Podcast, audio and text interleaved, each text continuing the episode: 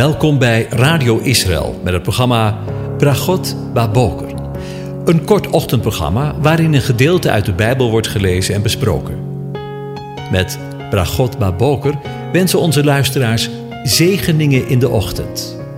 Presentator is Kees van de Vlist.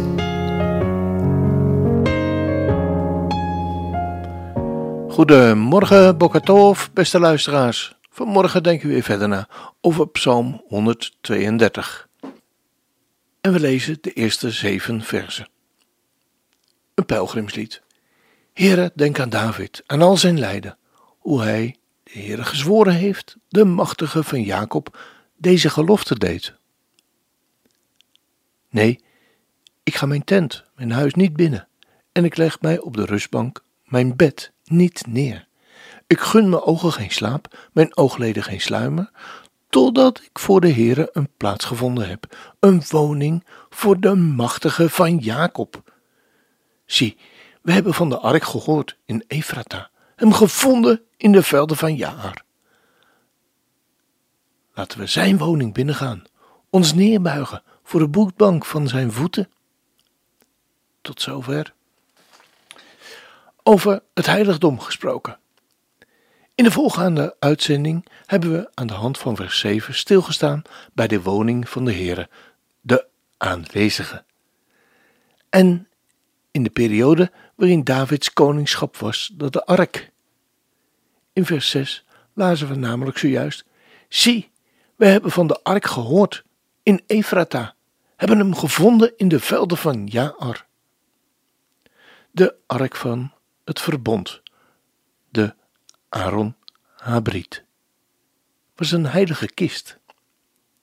En de ark werd door Bezaliel, en zijn naam betekent in de schaduw of in de bescherming van God, gemaakt tijdens de uittocht uit Egypte bij de Sinai. Het was een draagbare kist, waarin de twee stenen platen met erop de tien geboden bewaard werden. Hij stond in het allerheiligste, de binnenste ruimte van de tabernakel, en later in dezelfde ruimte in de tempel van Salomo in Jeruzalem.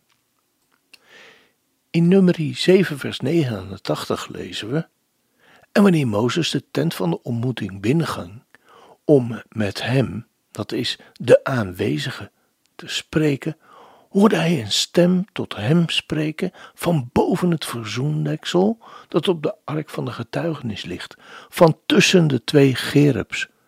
Zo sprak de aanwezige tot hem. In de voorgaande afleveringen hebben we een patroon ontdekt dat de ark van het verbond, de gebeurtenissen met David, de gebeurtenissen in het leven van Jezus, maar eveneens in de profetie van Zacharia. Maar wat heeft de ark, de woonplaats die God verkoos om te wonen in geestelijk opzicht met Israël te maken? Want we mogen toch ook een geestelijk aspect aan de woorden van Psalm 132, vers 7 toekennen? Laten we zijn woning binnengaan, ons neerbuigen voor de voetbank van zijn voeten. In deze en de volgende uitzending wil ik met u aan de hand van die gedachte met u stilstaan bij de ark als het hart van het tabernakel, het hart van de tempel. Want te midden van alle ellende waarin Israël zich het grootste deel van haar geschiedenis heeft bevonden, konden de rechtvaardigen zich altijd vastklampen aan Gods belofte. Verspreid over de schrift staan er vele. Met zijn onvoorwaardelijke belofte. De God van waarheid en de God van Israël heeft gesproken. Niets of niemand zal de uitvoering ervan kunnen tegenhouden. Een van die machtige beloften staat in Ezekiel 36. En we lezen dat gedeelte. Want ik zal u uit de heiden halen, en ik zal u uit al de landen vergaderen, en ik zal u in het land brengen. Dan zal ik rein water op u springen En gij zult rein worden. Van al uw onreinheden en van al uw drekgoden zal ik u reinigen. En ik zal u een nieuw hart geven. En zal een nieuwe geest geven in het binnenste van u. En ik zal het stenen hart uit uw vlees wegnemen. En zal u een vlezen hart geven. En ik zal, ik zal mijn geest geven in het binnenste van u. En ik zal maken dat gij mijn wetten en inzettingen zult wandelen en mijn rechten zult bewaren en doen. En gij zult wonen in het land dat ik uw vaderen gegeven heb. En gij zult mij tot een volk zijn, en ik zal u tot een God zijn. Heeft u meegeteld hoe vaak de Heere God zegt: Ik zal. Ga ze maar stellen. Wat een geweldige belofte liggen hier voor het volk van Israël. Niets uit Israël zelf, maar alles uit Hem. Ik zal, zegt de aanwezige. Toen Ezekiel dit woord tot God bracht, was het grootste deel van het volk in ballingschap. De tien stammen waren al meer dan honderd jaar eerder weggevoerd uit het land van de vaderen. De twee overgebleven stammen, Juda en Benjamin, waren uiteindelijk in Babel terechtgekomen. Het land lag er troosteloos bij en het volk was verspreid onder de heidenen. Zo op het oog een uitzichtloze situatie. Maar te midden van dit alles zendt God zijn profeten om de heilrijke toekomst van zijn volk bekend te maken. In Ezekiel 11, vers 19 wordt dezelfde belofte herhaald. Ik zal hun één hart geven en een nieuwe geest in het binnenste geven. Ik zal het hart van steen uit hun vlees wegdoen en hun hart een hart van vlees geven, zodat zij in mijn verordening gaan en mijn bepalingen in acht nemen en die houden. Dan zullen zij mij tot een volk zijn en ik zal hun een God zijn. En met de woorden van Jozef tot Farao mogen dan ook wel zeggen: de zaak van God was vastbesloten en dat God haast om dezelfde te doen, zoals we lezen in Genesis 41, vers 32. Maar wat moeten we onder het stenen hart van Israël verstaan? Vraag het eens aan een willekeurige christen en hij antwoorden dat het, het is het verharde en onbekeerlijke hart van Israël. Het is een verklaring die tot op zekere hoogte wel grond heeft in de schriften. Profeet Ezekiel heeft zelf de ervaring met dit harde hart. Maar het huis van Israël wil niet naar u horen, omdat zij naar mij niet willen horen. Want het ganse huis van Israël is stijf van voorhoofd en hard van hart zijn zij. Lezen we in Ezekiel 3 vers 7. En menigeen ziet in het stenen hart van Israël. Toch denk ik dat we het in een andere richting moeten zoeken. Waar klopte het hart van Israël? Laat ik u eens meenemen naar de woestijn, meer dan 3000 jaar geleden. Het volk was net verlost uit Egypte door de machtige hand van de Heere en trok voort naar het land Canaan. Het reisde niet als een ongeordende bende. De plaatsen van de stammen waren naar Gods voorschrift nauwkeurig bepaald. Ze moesten zich in een duidelijke formatie rondom de pas gebouwde tabernakel legeren. Rondom de tabernakel stonden de tenten van de Levieten. En de overige stammen waren gegroepeerd in drieën, gelegen ten noorden, oosten zuiden en westen. Lees ze maar eens na in nummerie 2. Dus wat vonden we helemaal in het centrum van de legerplaats? De tabernakel. Eenmaal per jaar ging de hoge priester de tabernakel door tot achter het voorhangsel en het heilige der heiligen.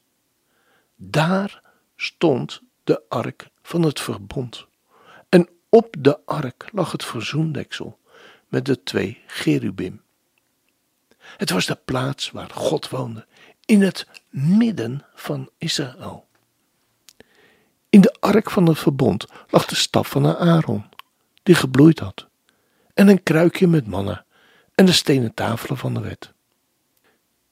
Ik denk dat ik geen van de luisteraars hoef uit te leggen hoe belangrijk de wet in Israëls bestaan was. Daar klopte het hart van het volk. Op het verzoendeksel sprengde de hoge priester eenmaal jaar het bloed van een stier en het bloed van een bok, om verzoening te doen over de zonde van zichzelf en over die van het volk, lezen we in Leviticus 16. Er moest verzoening plaatsvinden over de overtredingen die gedaan waren tegenover Gods heilige wet. Is het te ver gezocht wanneer we zeggen dat God met het stenen hart doelt op de stenen tafelen die hij aan Mozes heeft gegeven? Nee toch? Jezaja zegt toch, hoor naar mij, gij lieden, die de gerechtigheid kent, gij volk, in welks hart mijn wet is. En ik zal het stenen hart uit uw vlees wegnemen en zal u een vlezen hart geven. God zal het stenen hart wegnemen en het volk een vlezen hart geven. Als stenen hart doelt op Gods woord ingeschreven in de twee stenen tafelen, eeuwenlang de inhoud, de kern van Israëls dienst aan God. Wat moeten we dan verstaan onder het vleeshart? En het antwoord lezen we in de prachtige openingswoorden van het Evangelie van Johannes.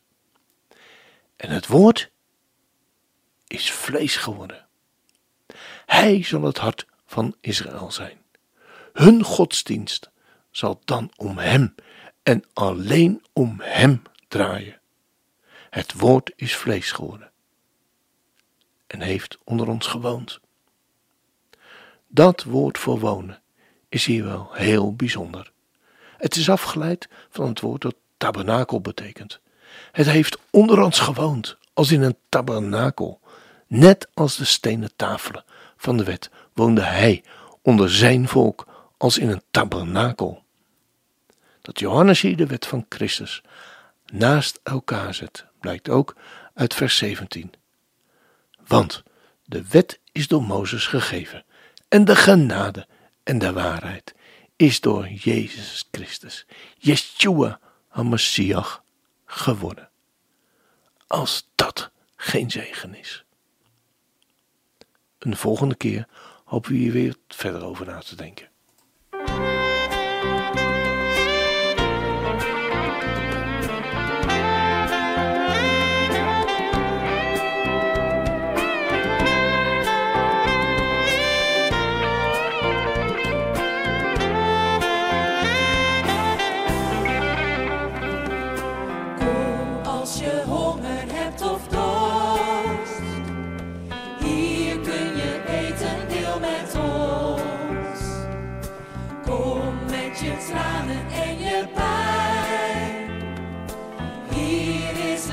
Hier mag je zijn.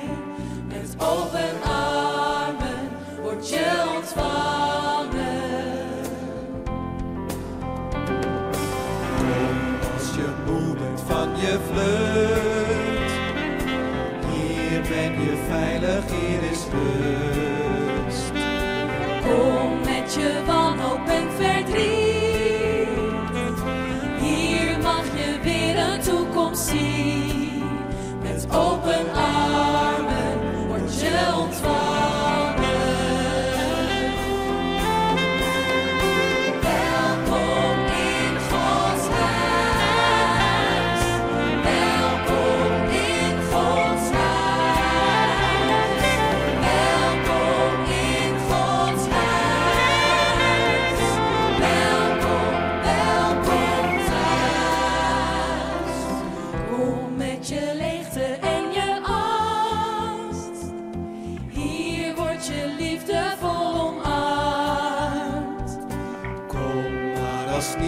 Kirche versteht.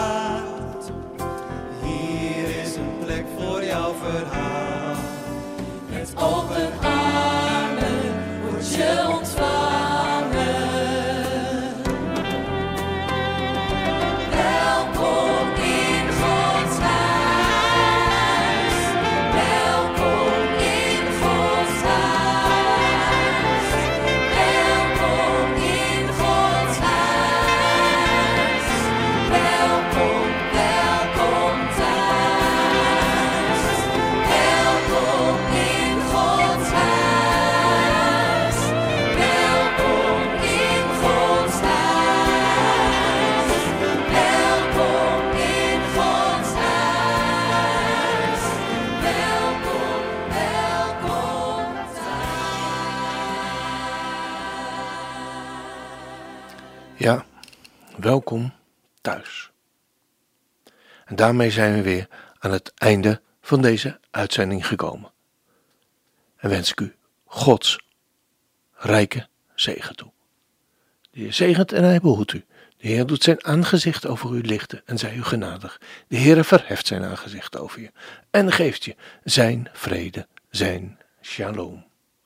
Amen.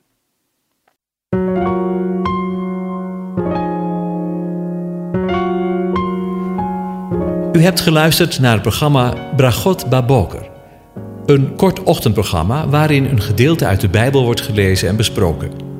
Wilt u het programma nog eens naluisteren, dan kan dat.